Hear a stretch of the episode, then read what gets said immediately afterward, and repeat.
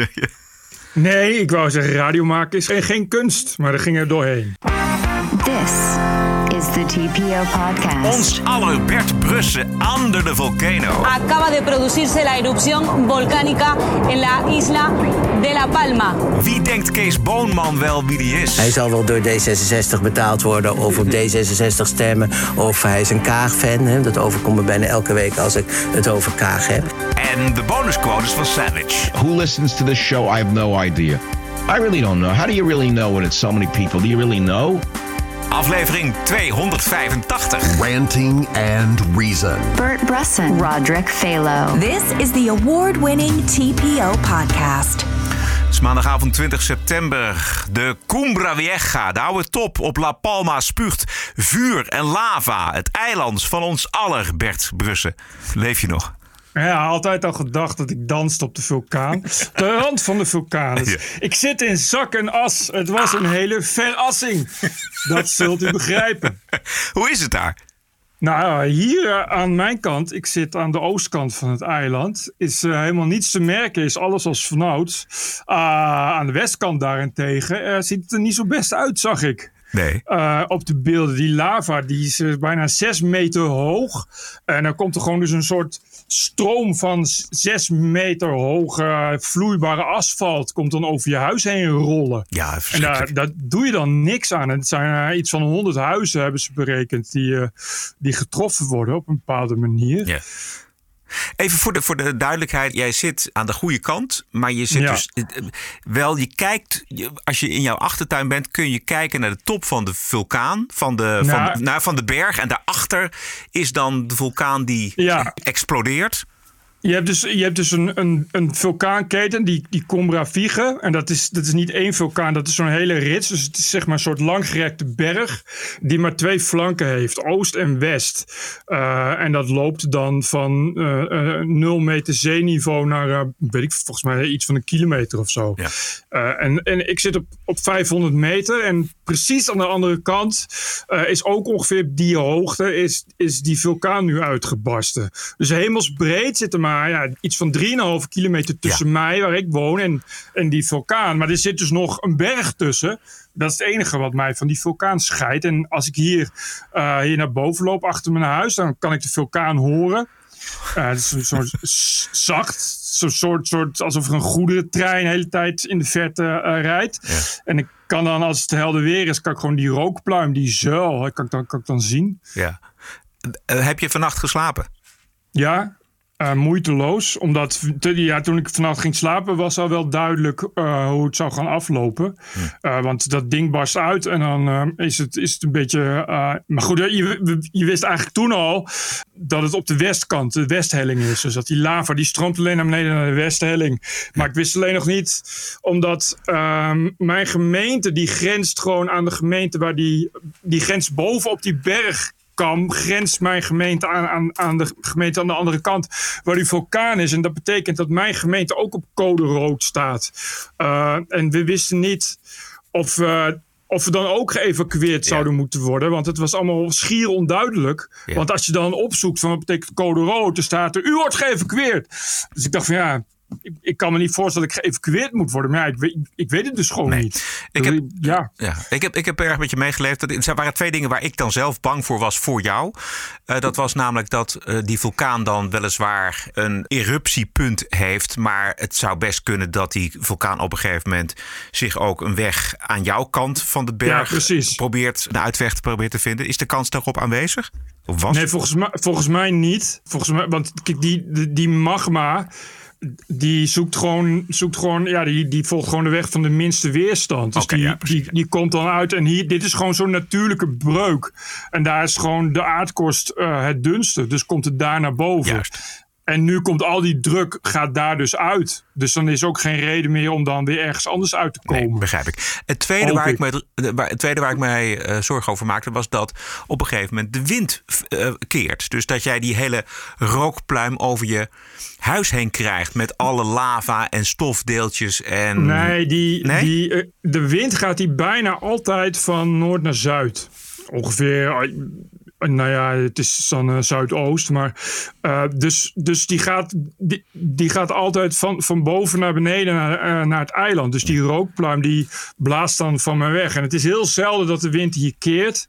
Dat, ik, zie, ik zit boven het vliegveld, dus ik zie alle, alle vliegtuigen landen. En 95% van de vliegtuigen komen uit dezelfde richting. Ja. En stijgen ook in dezelfde richting op, omdat de wind eigenlijk altijd gelijk staat. Ja. Uh, en dat is precies zo dat het, dat alles van mij wegblaast. Uh, ja. Het gaat wel omdat die wind gaat, naar, uh, gaat nu een beetje in zuidoostelijke richting. En dat is precies naar La Gomera. Dus die hele pluim gaat naar La Gomera. Dat zie je op de satelliet ook. Je ziet echt die pluim zo. En ook Gomera wordt dan helemaal bedekt door. Maar het is een beetje, ik heb het idee, uh, het valt wel mee, omdat dit, dit een relatief. Uh, dit, dit, dit, is, is, wat was een strombolische vulkaan of zoiets. Uh, uh, uh, kill me als ik het verkeerd zeg, maar dit is een speciale vorm. Je hebt allemaal verschillende vulkanen. En dit is dan een soort lage intensiteit. Dus hij is niet explosief, zoals een soort Pompeii ja, ja, ja, of Etna. Okay, weet je? Dus, okay. dat is, dus het is meer een soort gat in de grond. En het is, een heel, het is wel echt een, een kilometerslange spleet. Uh, en daar komt dan al dat magma uitzetten. Uh, maar dat komt dan alleen maar eigenlijk lava uit. Dus geen, geen, uh, geen vulkanische bommen of, of heel veel as of zo. En het is grotendeels waterdamp. Dus je hebt daar verder niet echt heel veel last van. Okay. Alleen wel veel zwavel. Ik las 20.000 ton zwavel Jezus, per dag. Dus dat zal Jesse Klaver zal dat wel leuk vinden. Ja, dit is volgens mij is dat zwavel. Is dat ook een, een broeikasgas? Zou zo maar kunnen. Geen idee. Wat ik wel weet is dat vulkanen altijd enorm hebben meegeholpen aan uh, broeikasgassen. Dus dat zal inderdaad. Uh... Ja. Laten we even kijken een stukje naar de Spaanse verslaggeving luisteren. Esa lava, ese material volcánico en Televisión Canaria, el volcán de La Palma. Imagen en directo. Acaba de producirse la erupción volcánica en la isla de La Palma. Ja, heel Spanje, maar eigenlijk heel Europa, ook in Nederland, uh, leeft ja. men mee. Want dit zie je toch niet. Het levert natuurlijk ook spectaculaire beelden op. Is altijd goed voor de televisie. Dramatische oh. beelden van huizen die heel langzaam verdwijnen ja. onder het oprukkende lava. Ja, en die, dat is dus. Uh, die mensen die, die, die moesten eruit. Kijk, uh, dat gebied was al wel bekend dat het waarschijnlijk daar zou uitbreken. Dus je weet dan ongeveer dat je paraat moet staan. Dat stonden al die mensen ook wel. En, je, en op het moment dat die uitbreekt, dan heb je nog wel heel veel tijd. Want die lava gaat heel langzaam. Mm -hmm. Maar dat is, je kan dus niks doen. Je moet er dus uit en je kan niet je meubels meenemen of wat dan ook. Helemaal niks. Um, en die lava komt eroverheen en is gewoon alles helemaal weg. Gewoon voetzie. Dus je kan ook niet, nee. niet daarna nog terug. Als je huis is afgebrand, kun je daarna nog terug en zoeken of er nog iets... Nee. Het, het gewoon, wordt gewoon helemaal begraven onder ja. asfalt. En ja. dat, daar kom je nooit meer bij. Dat, dat, uh, ja, ik heb uitgezocht meteen, want het komt, uh, ja, het komt dan wel dichtbij, zal ik maar zeggen. ik dacht wel van, oh ja, als het, als, het, als het precies aan de andere kant was gebeurd, dan had die lava misschien wel over mijn huis komen rollen. Maar Bert, hij, jij, jij, woont nog niet zo heel erg lang daar op dat eiland, want je hebt eerst op Gran Canaria gewoond. Heb jij ja. nou uh, rekening met dit, dit gevaar gehouden of is het gewoon stom toeval? Nee, het is stom toeval. Je kan er niet echt rekening mee houden. Ja, je, je weet kan toch rekening houden met waar je woont, waar je gaat wonen. Ja, nee, ja, maar je weet dat het een vulkanisch eiland is. Ja. Dus dat, dat weet je wel. Je weet dat, er, dat, er, dat het kan uitbreken, maar die kans is zo klein en het gebeurt zo weinig. Uh, en dan als het gebeurt, dan ook nog bij jouw huis. Ja, het is, het is een, een ingecalculeerd risico, maar het is niet. Weet je, de, ja, de laatste is 50 jaar geleden. Ja, precies. Uh, ja. En, en daar viel, uh, dat was toevallig op een punt waar überhaupt niet echt veel bebouwing stond. Uh, en die, daarvoor is het volgens mij nog weer eeuwen geleden. Dus het is maar echt een heel kleine kans dat het zo ja. gebeurt. En bij deze hebben we ook nog geluk. De plek waar dat plaatsvond, die uitbarsting zelf, is, is gewoon uh, ja, uh, onbewoond gebied. Ja. Maar ja, die, die, die lava komt nu wel echt door, door be bewoonde gebieden rollen. Ja, jongen. En dit, ik zag ook filmpjes gewoon van, van mensen die in, in hun huis staan. En die inderdaad het halve huis al uh, opgegeten zien worden, om het maar zo te zeggen, bedolven worden. En dan, ja, de, rest volgt natuurlijk automatisch. Maar het gaat zo tergend langzaam, maar het is ja, zo het is definitief. Vreselijk. Maar je bent gewoon alles kwijt. Ja. En, en dat is wel echt. Dat is, uh, uh, als je verzekerd bent, dan, dan uh, vergoedt de, de, overheid het hier. Ja? Dat, dus, ja de, dat, ik heb het even uitgezocht, maar dat, dat, stond ook in de media vandaag. Van hoe zit dat? Zijn al die mensen verzekerd? Ja, dat is een speciaal fonds voor natuurrampen. Wat ze in heel Spanje hebben. En dan als je dan een particuliere huisverzekering hebt, kun je daarmee, die kunnen dan voor je regelen dat je je geld krijgt. Maar ja, want je, dan krijg je geld. Maar wat heb je daaraan als je geen huis hebt? Nee. Wow. Dan moet je weer een nieuw huis bouwen. Je kan niet bijna nergens bouwen. Dat is ook nog zoiets. Dus, dus uh, ja, het is, het is echt, echt een nachtmerrie. En het, wat je zegt, het, je ziet het voor je ogen gebeuren. Het, het, gaat heel langzaam, wordt het gewoon langzaam opgevreten. En ja. alles. Ja, het is, gaat heel langzaam, maar het is zo definitief. Ja, en ik, ik las ook, uh, want die lava die rolt ook over wegen en, uh, en, en, en, en, en, communicatielijnen en dat soort dingen. En alles wat er staat. Gewoon dus ook benzinestations en dat gaat allemaal, allemaal weg. En je kan dat niet. Je, je kan dat, als het, hierna wordt het hard en dan moet het afkoelen en dat duurt dan heel lang. En dan, als je dan iets wil uitgraven, moet je het echt dan opblazen met explosieven. Je kan er niet in, niet in gaan bikken of zo. Dat is nee. gewoon te hard voor. Ja. Dus je kan er helemaal niks mee. Dus het is uh, voor... voor ja, voor de gemeente is het natuurlijk echt een drama. Een enorme kostenpost ook. Ja. Hij rolt straks waarschijnlijk ook over, over een strand. Ja, dat strand wordt gewoon geasfalteerd. Ja. het ja. is, een, het is gewoon, gewoon alles is weg.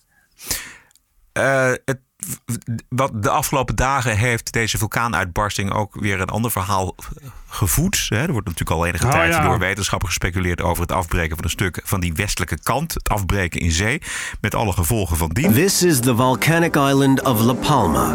A slide from this mountain could kill millions of people in Europe and along America's eastern seaboard. Some eminent scientists warn that it's purely a matter of time till it happens. Ja, en uh, er waren wat mensen die dachten, dat Ja. dit is dan het moment. Ja, dat is niet zo. Is- Dit verhaal is al heel oud, inderdaad. Uh, het is ook wel heel lang geleden gedebunked. Ik zag gisteren nog uh, een, een, uh, een wetenschappelijke link... dat ze het in de, aan de Universiteit van Enschede hadden, hadden uh, gesimuleerd. En dat was 2006. Uh, het komt eigenlijk elk jaar wel boven water... omdat er zijn hier continu aardbevingen. En elke keer als er zo'n aardbeving is... is er altijd wel iemand die dan roept dat we het allemaal aangaan. Het is al heel vaak gedebunked. Het is ook op meerdere punten. Ten eerste uh, is, is het eiland uh, hoogstwaarschijnlijk een stuk stabieler dan dat in eerste instantie werd aangenomen. En dat betekent dat voordat het. Het gaat dan om de, om de Zuidwest. Het is echt een, een ongelijkzijdige driehoek. Die dan van het eiland, die hele hap, zou dan, zou dan verdwijnen in het water. Um, als dat, daarvoor moet er wel echt een, een hele grote vulkaanuitbarsting zijn. En tegelijk een aardbeving. Dus je moet zoveel druk hebben. Uh, wat niet echt, niet echt likely is. Uh, en dan nog las ik vandaag, dat, dat wist ik ook nog niet, uh, wordt gezegd van dat hele, dat hele megatsunami verhaal. Ja. Dat, dat is, daar komt gewoon nergens vandaan. Het is in de, in de geschiedenis namelijk al veel vaker gebeurd dat er stukken van de Canarische eilanden instorten. Maar dan is dus geen, geen tsunami verder. Het Nee, is helemaal nee. niet. Nee. Het is echt een typische. Het is echt zo'n typisch wat het, de Britse tabloids hebben het eigenlijk elk jaar wel. Als de vakantiegang is, Ja. de Britten weer massaal naar, naar, naar eh, de Canarische eilanden gaan. En ik zag het inderdaad gisteren op Twitter ook weer, eh, ook weer stevig rondgaan. Maar het is eigenlijk, eh, de kans is zo goed als nul. Ja, er was, het stukje wat je net hoorde komt uit een documentaire of verslag eigenlijk van YouTube. En daar is ook dan een wetenschappelijk York.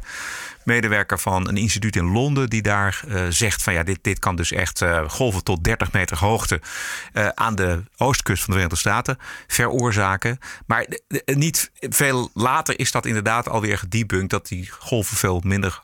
ja, dat, Ja, niet, dat, dat gewoon een tsunami niet zo werkt. Nee, dat is, dat, dat, dat, het is echt. Iemand heeft ooit bedacht. En waarschijnlijk best wel op goede gronden. Weet je, van, van we weten niet hoe stabiel dat is. En als, als dat eiland instabiel is, dan, dan kan dat ding afbreken. Want dat is gewoon hoe die, hoe die is gemaakt. Dat is een mogelijkheid. Uh, en die tsunami is volgens mij echt daarna.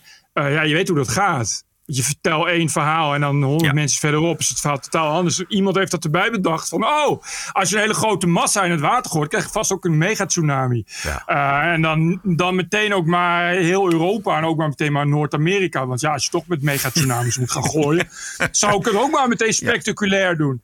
Maar het is, uh, het is allemaal, uh, nee, de, ik, ik, las de, binnen nu en 40.000 jaar, want wat ze wel zeggen is van ja, um, als het telkens na een nieuwe uitbarsting, dan uh, komt er nieuw, nieuw lava, nieuw materiaal op het eiland hier. Uh, en je hebt dan ongeveer 40.000 jaar eh, nodig om voldoende materiaal te verzamelen dat de druk echt te groot wordt. Ja, ja. Dat Ja. het ding echt kan instorten. Ja.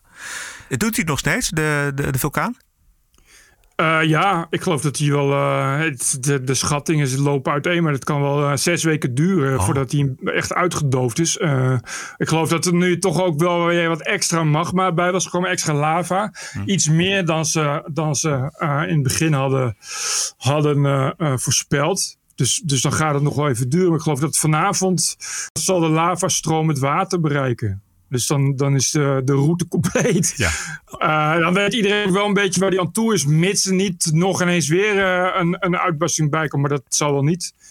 Het, het eiland wordt in ieder geval een stukje groter. Kan, kan zou kunnen. Ja, het, hè, ja, het- dat klopt. ja. En als het weer ophoudt, dan is eh, La Palma natuurlijk een van de veiligste Canarische eilanden ooit. Want statistisch gezien duurt het dan weer waarschijnlijk 100 jaar of misschien wel Nee, 50 jaar voordat het dan weer gebeurt. Statistisch wel, ja. Maar ja, je hebt, ik, ik weet niet helemaal eh, eh, hoe dat zit. Weet je, Nee. want het, dat bedoel, bij statistieken weet je het meestal ook niet. Maar Nee. dat is inderdaad wel, de kans wordt wel heel klein. Nog andere wetenswaardigheden? Va- Nee, vanaf het front? Ik, eh, ik moet zeggen dat eh, op zich de hulpverlening is hier wel oké. We waren eigenlijk meteen... eh, want dit is dus een- natuurlijk een heel klein eiland. Ja. Dus we moeten het van, van alle andere buureilanden hebben. Maar er waren eigenlijk meteen hulpverleners en leger en dat soort dingen die vanaf Tenerife kwamen. Die waren dezelfde nacht nog. En de, het, het, het is verder eh, goed georganiseerd, de, de hulpverlening hier. En dat heeft te maken met dat het zo goed in de gaten wordt gehouden. Dat ze alles van tevoren wisten. Ja. Uh, dus iedereen was, was op tijd. Al voor die uitbarsting uh, waren er al, al uh, bejaarden en slechte benen geëvacueerd. En het, de, de, zijn ongeveer 5000 mensen geëvacueerd nu. En, en een paar honderd toeristen. En dat is allemaal heel netjes gegaan en dat is allemaal goed geregeld. Ik geloof niet dat er enige, ooit enige sprake van, uh, van paniek was. Dus dat zit wel okay. goed in elkaar hier.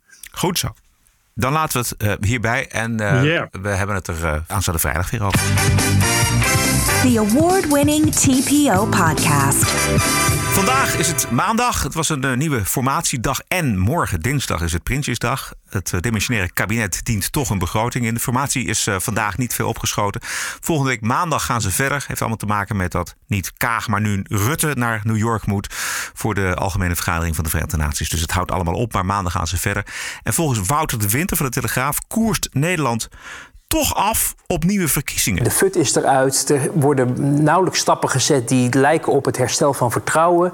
Uh, men houdt elkaar nog gewoon eventjes vast, inderdaad, richting die volgende week. Eerst maar die algemene beschouwingen overleven is de gedachte. Ja. Uh, maar het ziet er allemaal niet uh, rooskleurig uit. Uh, en daarom worden die twee dagen van die algemene beschouwingen zo belangrijk. Ja. Omdat we dan echt kunnen zien van hoe zijn nu die verhoudingen. En zijn ze bereid om elkaar af en toe ook een beetje uit de wind te houden. Ja. Of elkaar het niet te lastig te maken. Of gaan ze er vol ja. in. En dan hebben, heeft hij het natuurlijk vooral over VVD, CDA en D66. En ja, ja, ja. Uh, trouwens hoor ik vandaag ook alweer Ploemen en Klaver... die zich blijven warmlopen om mee te doen met dat kabinet. Ja, die blijven maar willen, hè? die geven dat gewoon niet op. Nee. Het is uh, uh, alles of niets. Ja. Afgelopen, Gewoon lekker blijven meedoen. Afgelopen zondag bij, bij Buitenhof. Gisteren dus mochten Klaver en Ploemen uh, eerst uitgebreid klagen over de mislukte formatie van links. Mevrouw Ploemen, u heeft de beide onderhandeld uh, met alle partijen hier aan tafel. Wat heeft u het meest tegen de borst gestoten tijdens die onderhandelingen als het ging om persoonlijk met elkaar omgaan? Dat er soms zo weinig begrip voor de positie van een ander was. Hè? Is het onverantwoord? Inmiddels is de hele politieke situatie onverantwoord. Is het onverantwoord? Oh. Dat zijn leading questions van. Vragen ja, goed, die leiden naar het gewenste goed. antwoord. Maar goed, het is Je ook een doffe open ellende. vragen stellen, Twan. Ja, precies. Open vragen. is het onverantwoord? Ja. Ja. Oké. Okay. Ja, het was zo grappig, want Ploemen en Klaver zaten tegenover elkaar aan die tafel. En dat is normaal gesproken natuurlijk altijd een opstelling van een discussie. Maar er was natuurlijk geen enkele discussie. Nee. Nee. Ah, ik uh, las het uh, een vandaag opiniepanel. Ja. Dat de meerderheid nieuwe verkiezingen wil. Uh, dat zijn toch plus 30.000 mensen. Dit is toch altijd wel een groot, groot panel van een vandaag. Ja. ik las ook dat het vertrouwen in de politiek vrijwel nul is. Is inmiddels helemaal weggevaagd. Blijft weinig over voor Rutte en, uh, en Kaag en wie dan ook nog denkt mee te kunnen doen. Ja. Dus niet, niet nog heel veel ruimte voor fouten. Nee. Of überhaupt voor, voor niks. Nee, ik las ook dat Kaag nogal wat vertrouwen had verloren in haar eigen achterban notabene. In mei had zij volgens een vandaag het vertrouwen van 91% van de D66-stemmers. En dat is inmiddels gedaald naar nog maar 69%. Ja. Dus daar Nee, is wel iets wat? aan de hand. Even, wat zei je, 91 en 69? Ja? Oké, nee, dan valt, vind ik nog meevallen. Ik vind nog, nog, dus nog 69% is nog veel, toch? Ja, maar er is ook weinig eh, alternatief natuurlijk voor Kaag. Maar, ja, dat is waar. Ehm, over Kaag gesproken. En ik hoorde parlementair verslaggever Duider Kees Boonman in het mediaforum op Radio 1. En ja, ik ken Kees al heel lang van de VARA. Ik, ik mag hem wel, maar Ja. zijn analyses ademen altijd zijn sterke politieke voorkeur. Dat heeft hij volgens mij niet in de gaten. En bij Boonman neemt het vaak, hij neemt het vaak op voor vrouwen in de politiek. Bewijzen van het zwakke geslacht. En vanmorgen Ja, deed hij ja, dat ja. ook weer. Een Duitse eh, denktank. En die hebben gekeken naar eh, het digitaal geweld. wat er eh, tijdens de Duitse verkiezingscampagne plaatsvindt. richting verschillende kandidaten. En in het bijzonder valt op dat eh, de topkandidaat van de, van de Groenen, eh Annalena Baerbock. dat die eh, een overproportioneel schietschijf zijn. bij die digitale agressie. In Engeland is dat ook een groot onderwerp in de politiek. Hoe vrouwen benaderen, vrouwelijke politici worden benaderd. Waar zit het in- voornaamste verschil dan in, in benadering? Eh, nou, gewoon eh, eh, uiteindelijk ook seksistisch. Juist. Vrouwenhaat. Ja, seksisme en vrouwenhaat. Ja, ja hoor. Ja. Ja, die vrouw van de Groenen in Duitsland, die is gewoon heel populair. En die draagt gewoon, ja, nu niet meer zo geloof ik. Maar goed, die draagt toch nog eh, een beetje richting, eh, richting nieuw leiderschap eh, te gaan van Duitsland. Dus vindt iedereen daar wat van. Kijk, het- er speelt nog iets anders bij die mevrouw van de Duitse Groenen. Die ligt zo onder vuur. eh, en dat vertelt Kees er niet bij. Omdat ze in een boekje zonder bronvermelding stukken van anderen had overgenomen. En Oh zij ja. had bovendien haar cv online oneigenlijk opgepoetst. Dus ja, dan is er kritiek. En zij was vooral eh, onder de Kees Boonmannen, zeg maar zeggen, in Nederland... wel eh, het, de hoop van Ja, soort, het is de, de kaag van Precies. Duitsland. Van zij Precies. gaat Merkel opvolgen. Maar dat, dat lukt dus nu niet, omdat ze zoveel kritiek krijgt. Oh, die ze over zichzelf heeft afgeroepen.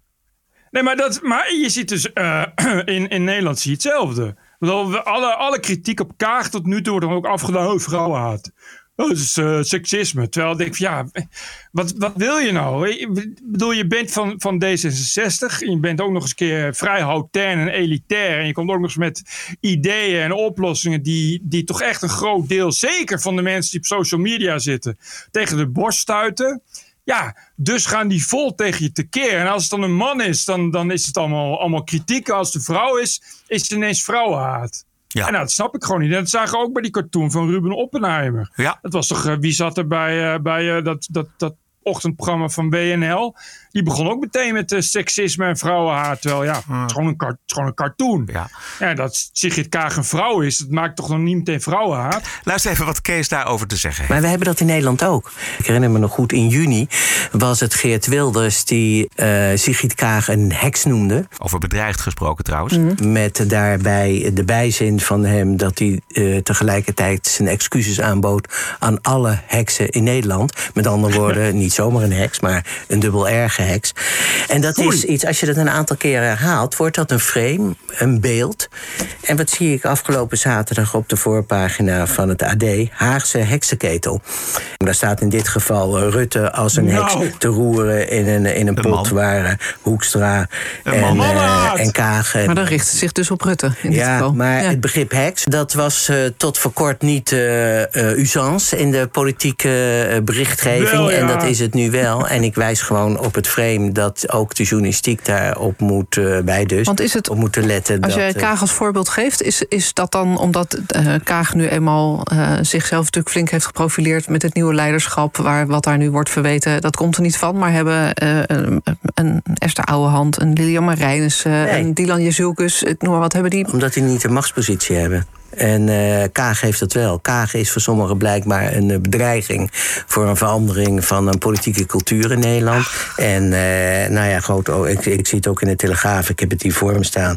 Haar dédain wordt als gezonde afstand van het klootjesvolk gezien. Haar arrogantie als gezonde motor van verdiend succes. En dan heb ik het heel gewoon over, hoe heet ze, Nausicaa Marbe. Ja, en dat is een vrouw. Ja, dat is een vrouw.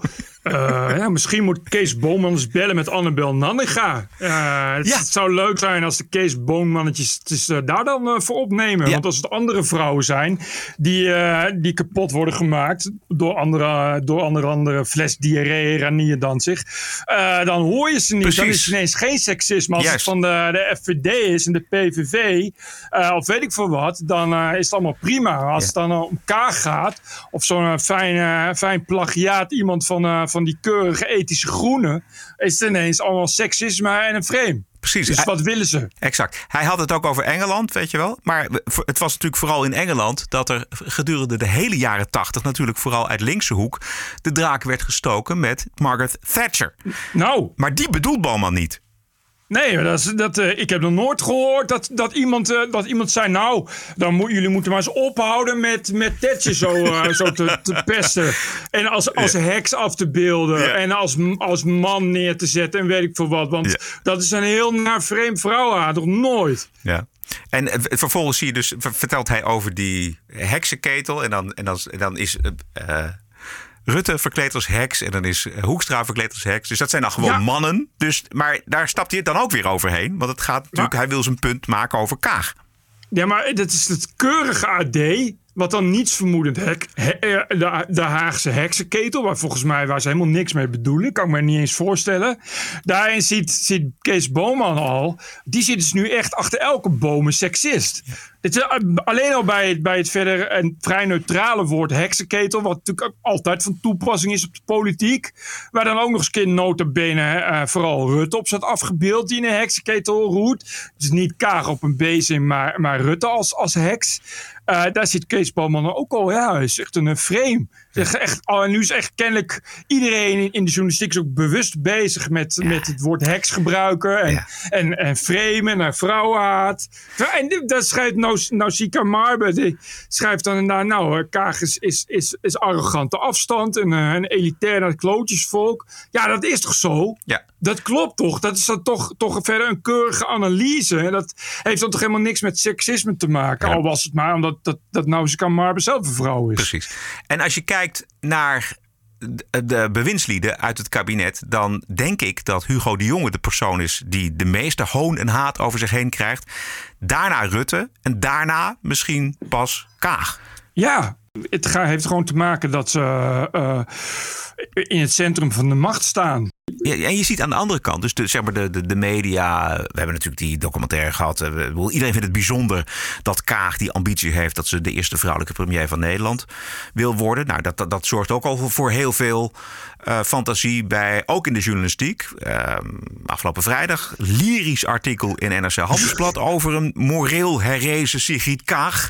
Zij kan de formatie naar zich toe trekken. Kaag onderscheidt oh. zich steeds duidelijker van de rest. Weet je? Dus dat is allemaal hemelhoogjaugend. Sigrid ja, Kaag. Ja, ja.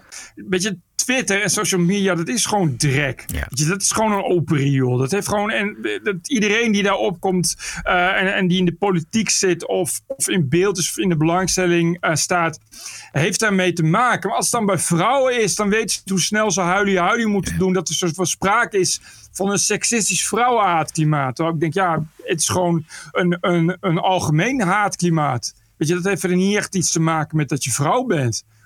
Nee. En omdat Kees het altijd opneemt voor Kaag, het zwakke geslacht kan zich niet verdedigen, wordt Kees nogal eens gezien als een Kaag-fan. Het feit dat ik dit nu zeg, begint ja. nu al op Twitter. Het feit, hij zal wel door D66 betaald worden of op D66 stemmen. Of hij is een Kaag-fan. Dat overkomt me bijna elke week als ik het over Kaag heb. Nou ja, maar dat is maar, allemaal rotzorg wezen. Maar kun je niet zeggen, zij, zij maakt het niet waar voor veel mensen. Dus komt de teleurstelling en dan kun je gewoon verwachten. Dat was goed hoor.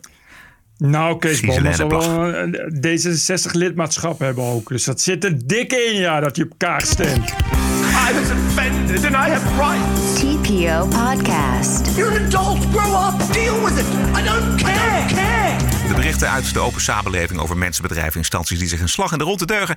En die buigen voor de terreur van de identiteitsideologie. Vandaag groot artikel in NRC Handelsblad. Het materieel deugt niet en de munitie is op, maar de Nederlandse krijgsmacht moet meer vrouwen hebben. En dat lukt uh, niet vrijwillig, dus daarom zijn er uh, vergevorderde plannen voor een vrouwenquotum. Dat meldt NRC Handelsblad dus vandaag. Natuurlijk. Natuurlijk. Niks tegen vrouwen in het leger, denk ik. Heb ik zelf persoonlijk. Want staat Israël de Koerden die bewijzen dat je ook met vrouwen succesvol Precies. oorlog kan voeren. Maar het vrouwenquotum komt hier uit de ideologische koker inclusie en diversiteit. En dat is op dit moment de belangrijkste afdeling bij Defensie. Belangrijker dan het materiaal en de afdeling munitie. Dat blijkt. Wat ik las, dat, maar het was een, uh, volgens mij een, een, een onbewuste vooroordelen brainwash cursus op de KMA, de Koninklijke Militaire Academie, ja. in het kader van een trainingsdag. Ja, het was hilarisch. En waarin dan werd besproken uh, over, over het hoe, hoe en wat van, van waarom het bijvoorbeeld niet lukt om überhaupt 30% vrouwen in, in, de, in de krijgsmacht te, te werven. Ja. Zal ik een klein stukje voorlezen? Ja, graag. De gespreksleider wrijft in haar handen terwijl ze in de ruimte tussen de in U-vormig opgestelde tafels heen en weer loopt. Ze draagt een zwarte jurk, haar lange haar in dunne vlechtjes. Waar denk je aan bij de woorden diversiteit en inclusie? Vraagt ze de militairen rechts van haar. Hun baretten liggen op tafel. De mannen zijn lang, fit en dragen een camouflagepak van de landmacht. Allergie, zegt de eerste instructeur. Ik ben een beetje klaar met het onderwerp. De gespreksleider. Oké, okay, allergie, dankjewel. Tweede instructeur. Bij mij exact hetzelfde. Allergie. Ik word van toneelstuk naar workshop gestuurd. Het is nooit genoeg. Er lijkt geen waardering te zijn voor het werk dat we doen de gespreksleider zegt. Gebrek aan waardering en irritaties. Oké, dankjewel. En zo gaat het de hele tijd door. En een vierde zegt: ik, ben, ik word hier zo moe van. Het interesseert me niks of iemand hetero of homo is of een kleurtje heeft. Ik beoordeel mensen op hun gedrag. Wat je ook, wat je ook echt leest uit die reportage, het is inderdaad een geweldige reportage, is, is hoe uh, die mensen daar iets wordt opgedrongen. Wat voor die mensen überhaupt niet bestaat. Ja. Ze, moeten, ze gaan dan erheen. Nou, ze moeten niet heen, volgens mij is een vrijwillige cursus, maar vrijwillig verplicht. Uh, en ze worden dan geconfronteerd met, met iets wat ze überhaupt niet begrijpen omdat de, het uitgangspunt is de hele tijd, ja, de, in, de, in de krijgsmacht heerst een fysieke sfeer. Want het is uh, seksisme en je durft geen homo te zijn en dat soort dingen.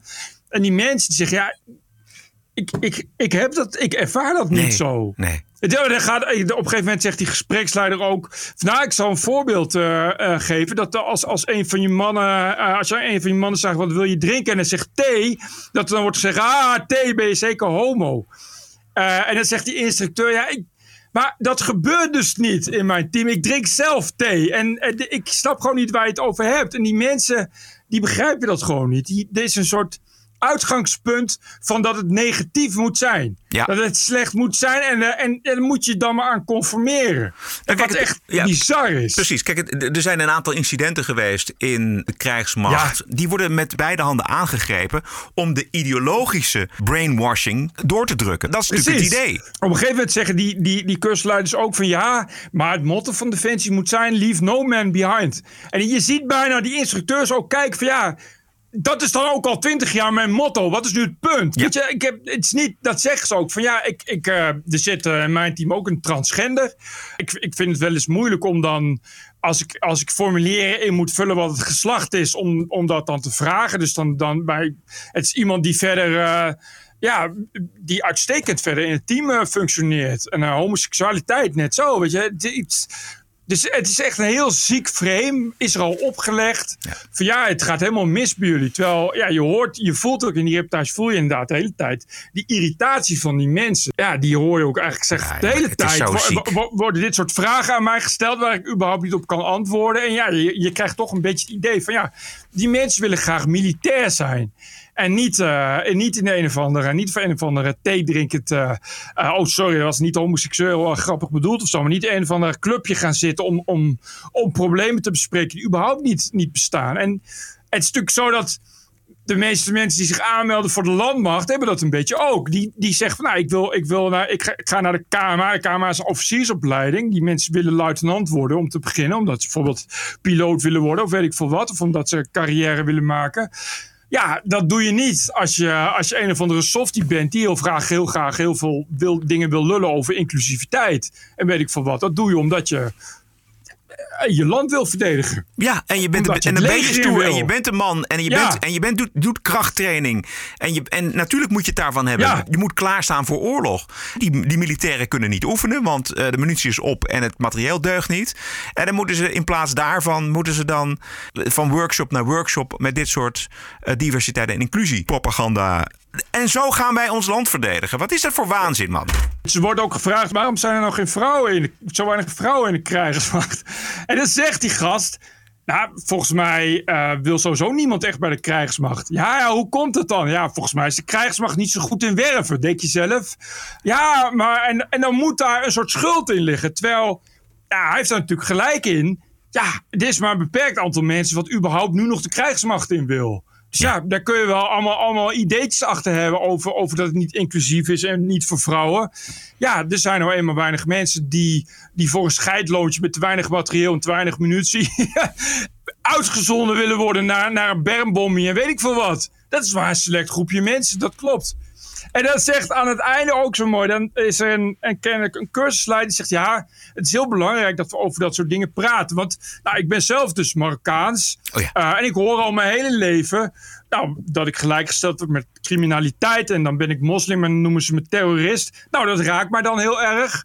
En ik vind dat, ik daar dan, eh, dat we daar dan over moeten praten. Dan zegt die instructeur: Ja, nou, ik ben opgegroeid in Amsterdam Noord. En ik heb al drie keer een mes op mijn keel gekregen van een Marokkaan. Het zou leuk zijn als we daar dan ook eens een keer over kunnen praten. Ja, dat vond, vond ik zo Ja. veelzeggend. Ja, dat soort problemen worden wel opgelost binnen het leger, weet je wel. Als jij een Marokkaanse militaire eh, maat hebt, dan, eh, dan, dan lost zich dat zich vanzelf op. Maar dit op zo'n cursus, man. Ik heb zo medelijden met die gasten, met die militairen die Ja, daar zitten. vreselijk. Afschuwelijk. En dat moet je allemaal ondergaan. Want je bent natuurlijk ambtenaar. Ja? Je, bedoel, je, je, je moet het ondergaan. Je kunt niet zeggen, daar ga ik niet heen. Nee, precies. Nee, maar die impliciete schuld waar je mee Ja. wordt opgezadeld. Weet je, dat is, dat, dan eigenlijk zeg je dus tegen zo'n instructeur: ja, maar als het erop aankomt, dan laat je homo's en negers en, eh, en, eh, en Marokkanen, die laat je achter. Terwijl het natuurlijk helemaal niet. Het is natuurlijk totale onzin. Weet je, dat, als nou één plek is waar dat soort dingen niet tellen, dan is het wel in de oorlog. Ja. Het is natuurlijk geen, natuurlijk geen instructeur aan de KMA die, die, die denkt van, oh ja, homo, nee, dat, daar wil ik niet mee het veld in of zo. Dat is, ja, in het leger is iedereen gelijk. En als instructeur weet je dat natuurlijk als geen ander. Dus je wordt daar toch een beetje, ja, je wordt daar een beetje met een schuldgevoel opgezadeld. Ja, wat er gewoon niet, wat er gewoon niet is, waar je niet schuldig aan bent. Waar je ook nooit schuldig aan gaat zijn. Nee, Juist nee, niet. Juist niet. En, en wat denk je wat dit, eh, dit soort cursussen doet met het animo van eh, jonge mannen om in het leger te gaan? Ja, dat zat ik ook te denken. Ik denk, nou, als dit een manier is om meer te werven, dan lijkt me dat nog niet echt succesvol. Wat voor defensie krijgen we dan? Nou, kennelijk Defensie dat van praten houdt. Je mag hopen dat de vijand dan ook niet, eh, niet gaat schieten... omdat ze heel veel praatgroepjes hebben gedaan. En heel inclusief denken. Ik- weet het niet. Ik dacht altijd dat een leger dat het wel handig was... als je een trekker kan overhalen. Een beetje fit bent en zo. Een beetje op bivak. Met de kameraden. En een beetje kaarten, kompas. Nou, noem het allemaal. Een beetje lekker eh, marsen lopen. Maar nee, het is kennelijk belangrijk dat je, dat je thee gaat drinken met groepsleiders. En gaat bespreken, gaat bespreken hoe erg het eigenlijk wel niet is in het leger. Misschien kunnen ze dat doen met de vijand. Dat ze samen een praatgroepje beginnen. Bij de Britse Labour Party opnieuw is daar een volksvertegenwoordiger die niet naar de partijconferentie durft uit angst dat haar iets wordt aangedaan. Het gaat om Rosie Duffield, die online bedreigd wordt vanwege haar standpunt dat biologische vrouwen eh, vrouwen zijn. Ook al identificeren zij zich als man. En hetzelfde geldt voor biologische mannen. Zeg maar de Harry Potter-auteur Ja, J.K. ja. Rowling's standpunt ten aanzien van transpersonen. En die Labour Party is een hele gruwelijke, intolerante club waar mensen elkaar bedreigen. Nou, dat is toch vrij normaal binnen dat soort gelederen. Klopt, klopt. Is Ja. eerder gebeurd met de, de Joodse Labour-vertegenwoordiger. net zeggen. Luciana Burger. Die moest met eh, persoonlijke beveiliging verschijnen op de Labour-conferentie vanwege het wijdverbreide antisemitisme binnen Labour. En dit is wat Burger daar destijds over zei. Madam Deputy Speaker, I make no apology for holding my own party to a higher standard. Anti-racism is one of our central values, and there was a time not long ago when the left actively confronted anti-Semitism. Within the Labour Party, anti-Semitism is now more commonplace, it is more conspicuous, and it is more corrosive. Anti-Semitism of the worst kind, suggesting that I'm a traitor to our country. They've called me Judas, a Zion Nazi, an absolute parasite, telling me to get out of this country and to go back to Israel. Een verrader, een nazi, een parasiet en rot op Ja, naar Israël. ja, ja, ja, dat zijn ja, dus ja. teksten uit de Labour Party Niet te 2018. geloven. Ja, Maar goed, dat is eh, de, het, eh, de hoon, of de hoon, de, de ernst, ernstige bedreigingen die het in vallen. Als je alleen maar zegt dat vrouwen vrouwen zijn, is zo mogelijk nog erger. Eh, dat is een beetje hoe, hoe links er nu aan toe is, in elk geval sociaal-democratisch links.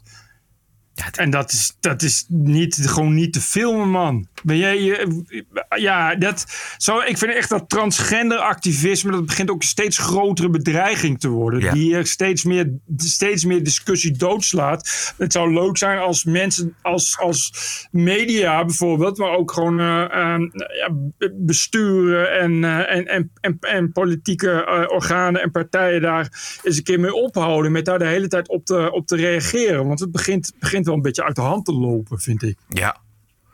Dat, dat geweld. je- ja. ja, ja, nou ja, die je kan dan als, als je, je kan als J.K. Rowling, eh, die toch eh, garant staat voor miljarden inkomsten, eigenlijk geen boeken meer uitgeven, omdat niemand je wil uitgeven, omdat je ooit een keer op Twitter hebt gezegd dat een vrouw een vrouw is en een man een man. Weet je, dat is toch, toch te gek om los te lopen. Dat, je, dat de meest elementaire, eh, basale feiten, dat je die niet meer hardop kunt zeggen. Dat je dan serieus bang moet gaan zijn voor alles en nog wat. Voor je baan of voor je leven, zoals kennelijk in dit geval. Dat je lid bent van een partij, maar dat je niet naar je eigen congres durft. Of dat je, onvoorstelbaar. dat je 1 plus 1 is 2 hebt gezegd. Weet je, ja, ik, ik, ik snap dat niet. Ik snap niet dat dat niet gewoon met wortel en tak wordt uitgeroeid.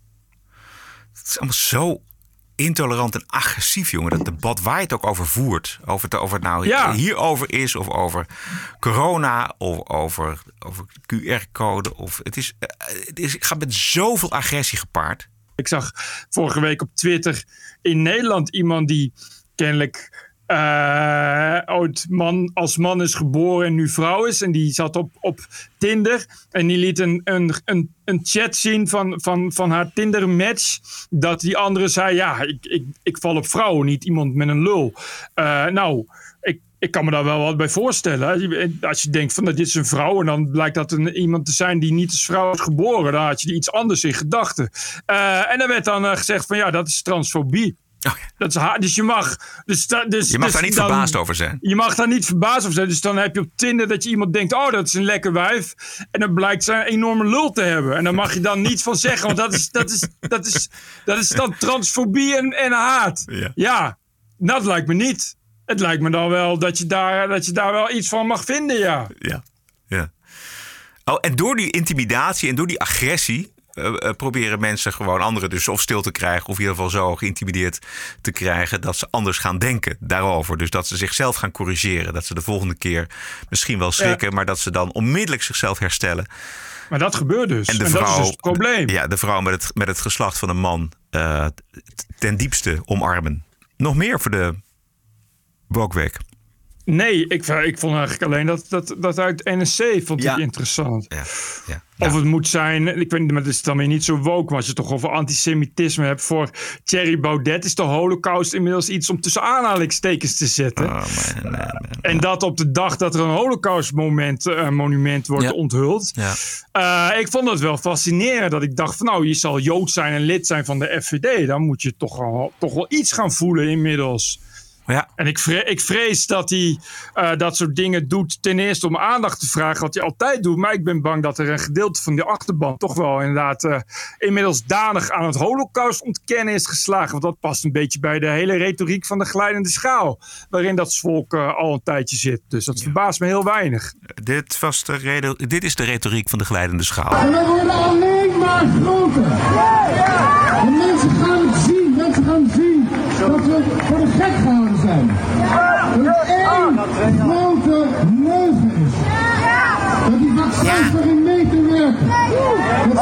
bijwerking. Dit is de glijdende schaal van de dictatuur. ja, precies. Nou, dat dus. Dat dus. De holocaust wordt er tussen aanhalingstekens. Het is maar dat u het weet als u Thierry Baudet volgt. Maar hoe hij dan ook in zo'n tweet die Joodse organisaties eh, toespreekt. Hè? Zo van, het is Ja, niet, het is ook onze oorlog. Precies, het is niet jullie oorlog, het is ons aller oorlog. Heel bizar. Dezelfde dag nog even een leuk eh, tweetje erachteraan dat eh, weer Beethoven heeft herontdekt. Eh, en dat zijn ziel weer bij hele andere muziek is aanbeland en zo. Het is echt eh knettergek, knettergek. Ja. What a woke week it was. This is the TPO podcast. Ik wil even zeggen dat het gelukt is. Het is gelukt. Jullie TPO-podcast zit bij de genomineerden van de Dutch Podcast Awards 2021 in de categorie Nieuws en Opinie. En nou kan je tot 11 oktober aanstaande kan er gestemd worden. En als er genoeg van ons dat doen, dan winnen we. En stemmen kan op podcastawards.nl. En eh, op 28 oktober is de uitreiking. En dat is één dag voor de verjaardag zeggen. van Bert en ik. Dat is dan een leuk cadeau. Hè? Precies. Dat is dan een leuk cadeau als we winnen. Weer winnen, moet ik zeggen. Precies. Bedoel, Ga jij er ook weer heen, eh, Roderick? Als we kans maken, zeker wel. Ik weet niet of, of Adam Curry weer in de jury zit. Weet ik ook maar- niet. Eh, kijk, Bert en ik die schelen dan wel voor 11 jaar, maar we zijn allebei geboren op 29 oktober. Dus wat is nou een mooier verjaarscadeau dan de Podcast Awards 2021 winnen in de categorie nieuws en opinie. Dus eh, ga met z'n allen naar podcastawards.nl en breng je stem uit. En vergeet niet je stem te bevestigen via de mail die je dan krijgt toegestuurd. Podcastawards.nl TPO Podcast. Want dat zijn wij. De TPO-podcast wordt je twee keer per week aangeboden zonder subsidie en zonder reclame. En dat kunnen we doen dankzij de donaties van jou. Ranting and Reason. Stellen eigenlijk één simpele vraag. Wat is het je waard? Is het een euro per aflevering? Bedenk eh, zelf een bedrag en maak dat aan ons over via de website tpopodcast.nl. Dan kunnen wij die podcast voor jou blijven maken. Want eh, dit is gewoon een belangrijk onderdeel van ons werk en een belangrijk onderdeel van ons eh, salaris. Bert, En Frank Huisman. Beste Khalid en Sophie. Ik kan hier net als iedereen vertellen hoe belangrijk ik jullie alternatieve en eigenzinnige geluid in het medialandschap vind. Maar daar heb ik helemaal geen zin in. Ik heb 250 euro gedoneerd. Groetjes, Frank Huisman. geweldig Frank. Super bedankt. Bart Schepens. Beste Bert en Roderick. Sinds enkele maanden gebruik ik jullie podcast om vanuit België het vaderland regelmatig in de gaten te kunnen houden. Want als ik de MSM mag geloven, gaat het helemaal toppie-joppie met Nederland. Woke schijnt cool te zijn. Cartoonisten mogen door D66-bobo's worden bekritiseerd naar een tekeningetje. En Rutte schijnt het nog steeds met Kaag te doen. En dat zint me allemaal maar matig. Want ik geloof er geen jota van dat we zo een steek verder komen. Ik kwam er in Spotify achter dat ik maar liefst 14 afleveringen als freerider, dus gratis heb beluisterd. En ik betrapte mij vandaag op dat ik mijn podcastplayer de hele tijd aan het refreshen was om te kijken of jullie nieuwe afleveringen er al op stond. Ja, dan word je een fanboy. De hoogste tijd dus om dat om te zetten in een Patreon-lidmaatschap.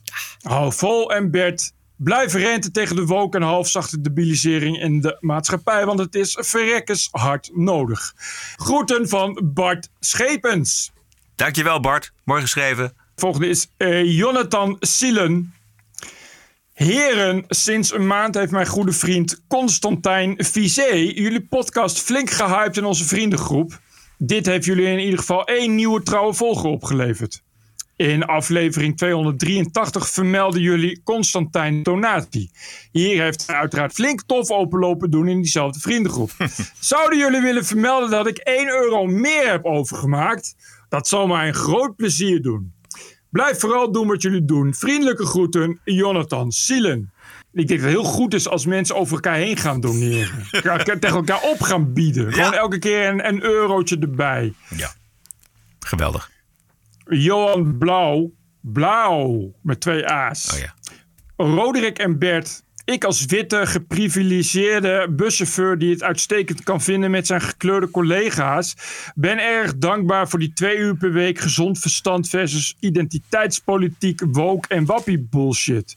Het is als even heerlijk ademhalen. Dank daarvoor. Vriendelijke groet, Johan Blauw. Ik doneer elke maand 10, eu- 10 euro aan jullie mooie podcast. Geweldig, dankjewel. En de laatste, Jan Lankelma.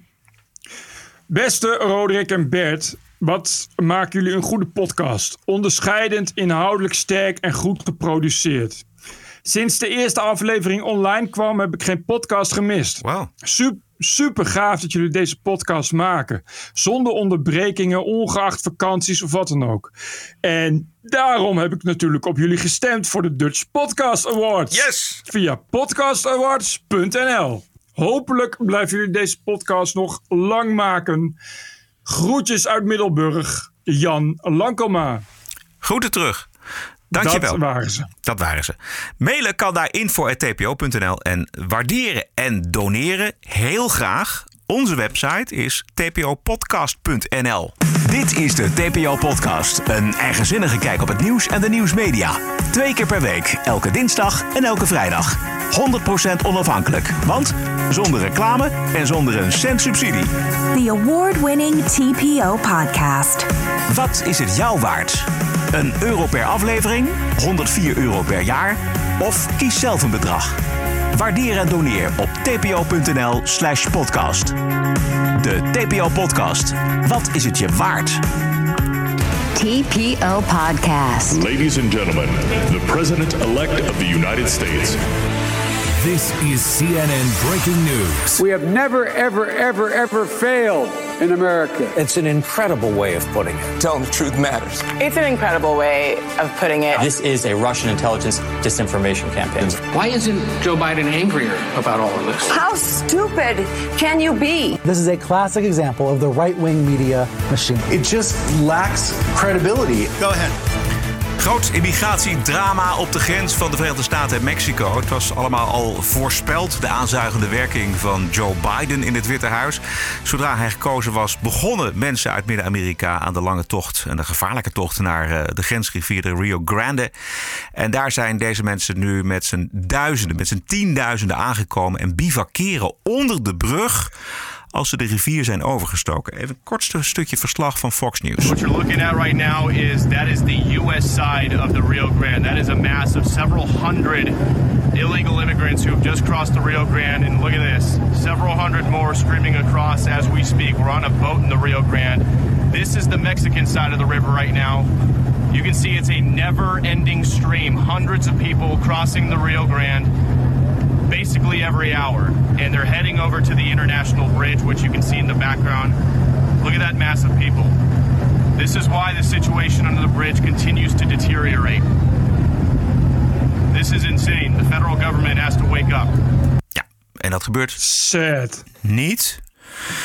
Want eh, ja, de, de, de, de grote netwerken, dit is dan Fox News. Maar de andere netwerken die blijven eh, weg. Eh, journalist Glenn Greenwald die klaagde, beklaagde zich al over het feit dat eh, tijdens Trump de nieuwsorganisaties als CNN, ABC, MSNBC niet weg te slaan waren bij die opvangcentra, weet je misschien nog wel, bij, Ja, bij ja, de grens. Maar dat er nu op dit moment voor dit drama eh, geen aandacht is, omdat Nee. hun vriend Biden nu de chef is. Nee, dat komt natuurlijk niet lekker uit. Nee. Zo ging het bij Obama ook. Obama deed ook al jaren aan het eh, scheiden van, eh, van eh, families met kinderen. En het, en het in, in, in kooien stoppen van mensen. En alles waar ze Trump van beschuldigen. Daar heb, ik nog nooit een, heb je nog nooit iets van gezien natuurlijk. En nu is Biden er weer. Dus dan kijken we weer lekker met z'n allen de andere kant op. Dat is precies wat er gebeurt. Want het is, Biden heeft, heeft, weet je wat, is, heeft helemaal niets goeds gedaan daar, voor die mensen. Wat is er beter geworden? Het is alleen maar erger geworden. Precies, het is alleen maar erg geworden. Hij heeft, hij heeft ze hoop gegeven. Hè? Dat, is- dat is dan het, het meest goedkope product wat je als president en politicus een ander kan, eh, kan geven. Is namelijk hoop. Er zitten verder helemaal nul verplichtingen of wat dan ook zit daaraan vast. Dit eh, eindigt dus in dit drama. Dankjewel, Joe Biden. Ja, echt. Het is zo triest. En het is allemaal een, een politiek van, want er zijn geen grenzen. En we Ja, moeten al die mensen opvallen en ze zijn zo zielig. Wat natuurlijk onmogelijk is. Moment dat je niets, niets doet aan de enorme hoeveelheid mensen die eh, niet, waar zo'n systeem gewoon niet op berekend is, blijft het gewoon onmenselijk. Doe maar. This is the TPO podcast. Ja, de bonuscode is van de Amerikaanse radiohost Michael Savage. Laten we wel vaker wat van horen. En hij gaat eigenlijk over de verbindenis tussen zeg maar, het mannetje van de radio en zijn luisteraars. Daar hebben we zo meteen nog iets over te zeggen. Eerst Savage. Now let me go back to crowds and audiences for a minute because I was onto something and I forgot where I was going. Uh, Phil, where was I heading? Do you recall anything I said? Phil went to sleep. Okay. Who listens to this show? I have no idea. I really don't know. How do you really know when it's so many people? Do you really know? What do you have a mind? You know, you ask me a question, Michael. When you're sitting there in your uh, studio with your dog, wherever you may be doing your show, wh- who do you think is listening? Do you have a mind image of them? Where are they? Are they in, in a car on the uh, Cross Bronx Expressway listening on WOR? Where are they? Who's listening to you? I couldn't tell you. I don't know. I actually don't have a figure in my head. It's a strange phenomenon. Ja. En tegenwoordig is er natuurlijk beeld bij. En mensen mailen ons of die Ja, geven commentaar op de sociale media en zo. En er is natuurlijk de TPO podcast pubquiz aanstaande vrijdag. En eh, dan krijg ik de kans, eh, ook namens Bert, om een aantal luisteraars te ontmoeten. Hartstikke leuk. Eh, ik moet van Maarten, de organisator van de pubquiz, zeggen dat er nog plek is voor een paar teams. En je mag je ook individueel aanmelden. En dat kan op het e-mailadres tpopubquiz.gmail.com. En quiz is dan Q-U-I-Z. En dan krijg je van Maarten alle info voor aanstaande vrijdag. Eh, er zal bij een, een hoge opkomst zal er gelood worden. Inschrijfgeld is 25 euro. Geld gaat naar uw favoriete podcast. En dan zien we elkaar misschien aanstaande vrijdag. Ik hoor dat er een livestream is, dus dan ben ik er ook. Geweldig, Bert! Dat las ik, dat ik er ook ben op Ja. de livestream. Dus Ja. nou, dan zal dat wel zo zijn. Dus dat is dan mooi. met- Hoe, laat, eh, hoe laat begint dat? Het begint volgens mij om 8 uur. Mensen, de zaal is al open om 6 uur. Er kan daar ook iets gegeten worden. Er is eh, drank. Eh, dat moet je dan trouwens wel zelf betalen. Want eh, de, de omzet is voor de zaalverhuurder, zullen we maar zeggen. Het wordt hartstikke goed georganiseerd. Want Maarten is daar professioneel in. En precies. het wordt gewoon een, iets heel leuks. En het is een experiment. TPO Pub Quiz at gmail.com. Right. Tot zover. Deze TPO-podcast wordt u tweemaal per week aangeboden. Onder meer via Spotify, Apple Podcast, iTunes en natuurlijk op tpopodcast.nl. En wij danken voor de ondersteuning van aflevering 285. Ook de mensen die dat anoniem doen of met een maandelijks bedrag via Patreon bijvoorbeeld. Waarderen en doneren heel graag. Ga naar tpopodcast.nl. En wij zijn terug aanstaande vrijdag. Dus ik zou zeggen, stay cool. En tot vrijdag. TPO Podcast. Bert Bruson, Roderick Balo, Ranting and Reason.